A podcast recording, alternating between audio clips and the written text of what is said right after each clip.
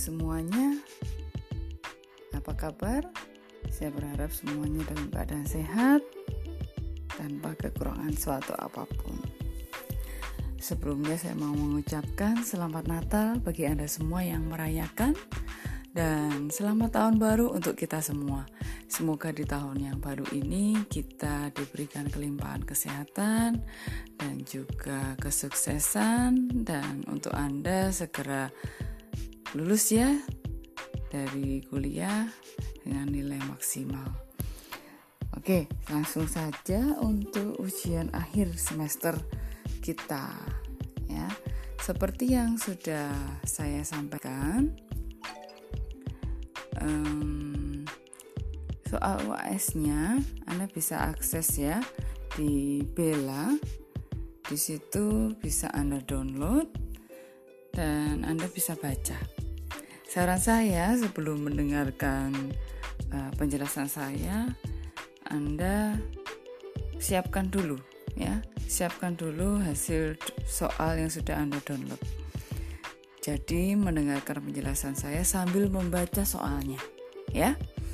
Oke, kita mulai. Yang pertama mengenai soal ya, yang paling atas itu kan saya memberikan um, ini ya semacam artikel ya artikel sebuah kasus ya studi kasus itu kasusnya real ya ada real bukan karangan saya dan anda bisa perdalam lagi keseluruhan kasus dengan googling ataupun cari referensi lainnya yang tentunya dapat dipercaya.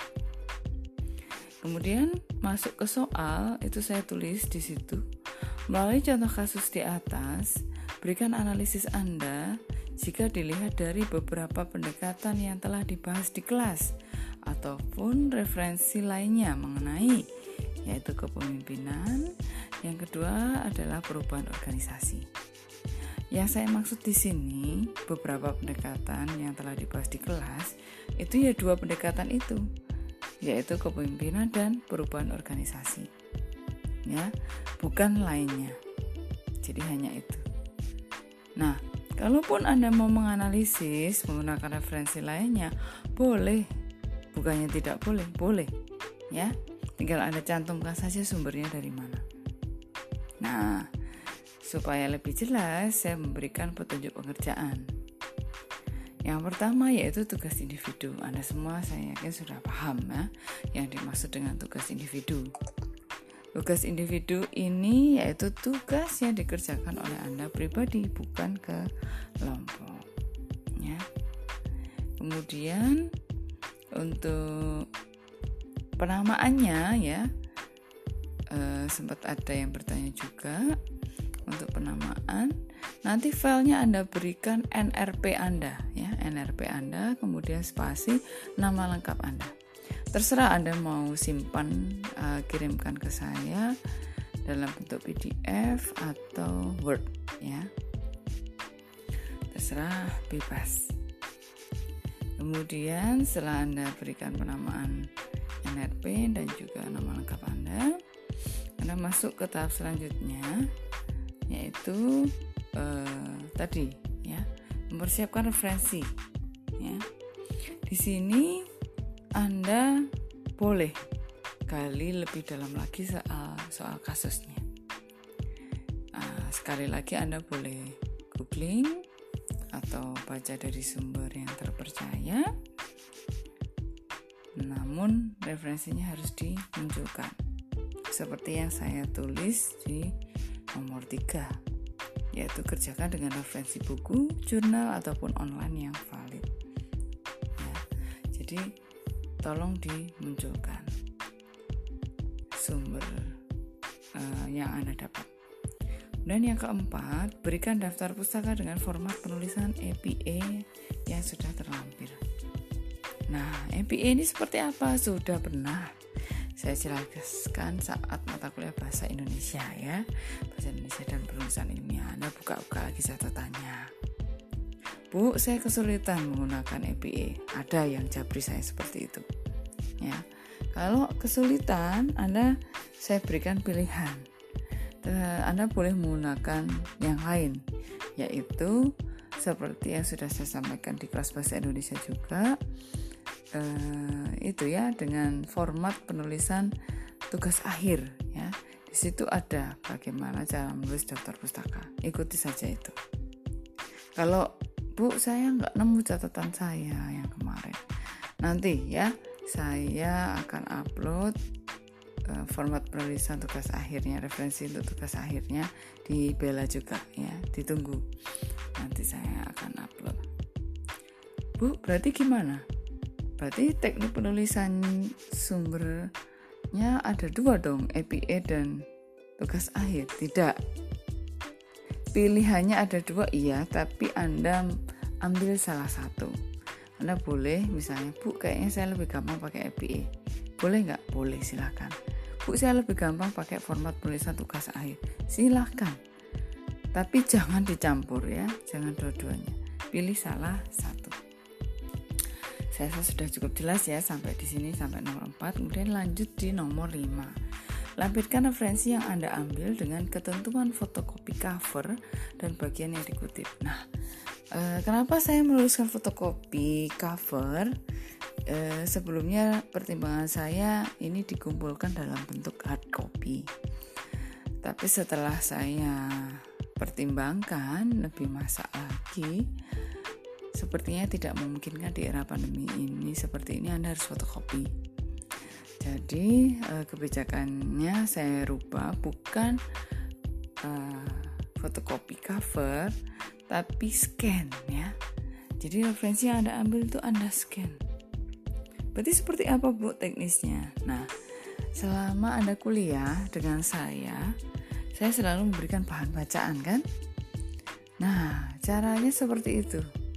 Jadi covernya Anda scan, kemudian Anda uh, scan juga bagian halaman mana yang memang Anda ambil.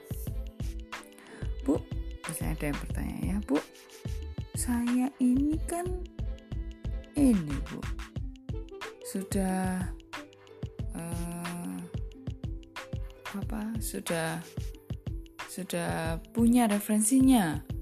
Jadi gimana bu uh, yang saya scan itu yang mana apakah yang hanya uh, bagian misalnya yang diambil halaman 37 terus yang di scan halaman 37 aja atau gimana?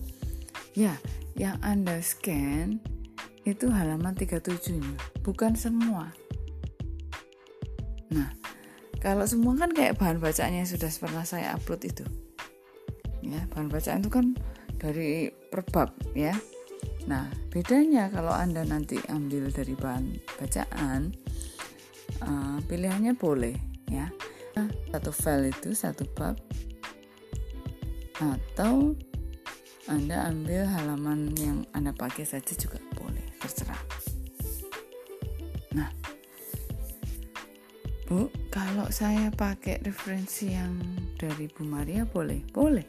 Malah lebih gampang karena sudah ada covernya. Ya, itu gunanya. Dan ada halamannya juga, tinggal Anda ambil. Anda tuliskan halaman berapa yang Anda ambil.